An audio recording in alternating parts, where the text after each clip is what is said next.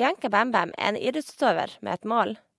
Den muslimske bokseren håper å bryte ned noen stereotyper med å representere Australia ved neste års Commonwealth Games på Gold Coast. Elmer observerer for tida ramadan. Det er bare den første av mange utfordringer hun vil møte i år. Det er ikke uvanlig at Bianca Elmir avstår fra å spise og drikke før en treningsøkt. Men de fysiske kravene til boksing betyr at hun ikke er i stand til å faste hver eneste dag. Sometimes it can get very overwhelming with the training schedule that I've got on. Um, and leading up to a fight, it's very difficult to because everything is assessed. You know, like how much you're drinking, how much you're eating, how much because every uh, you know I have to be perfectly a certain weight, so to the gram. Når hun faster, er det med hensikt. I'll dedicate it towards something, you know. So, like the other day, I dedicated it to just recognizing my environment, and I was just really mindful of my environment all day because I made the intention of fasting for um, obviously first for God, but then secondly to um, be mindful of my environment, care and respect it. I was like trying to pick up rubbish around me.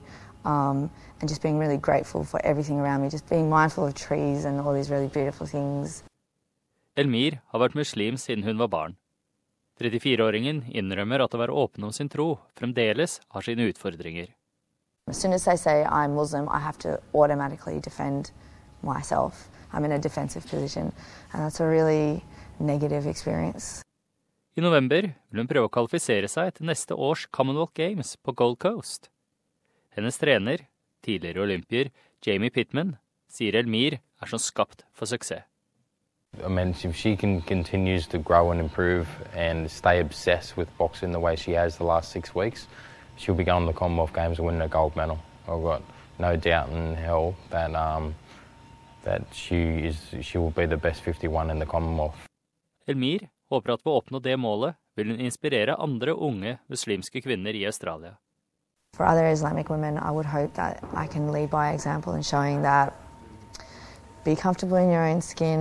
You know, things will get tough sometimes. It's tough for everyone, just being a human being in this world. And if you just try hard and do as much as you can to be the best person that you can be, then anything is possible. And I honestly believe that. Denne saken er laget av Adrian Archioli på SBS norsk. Jeg er Frank Mathisen.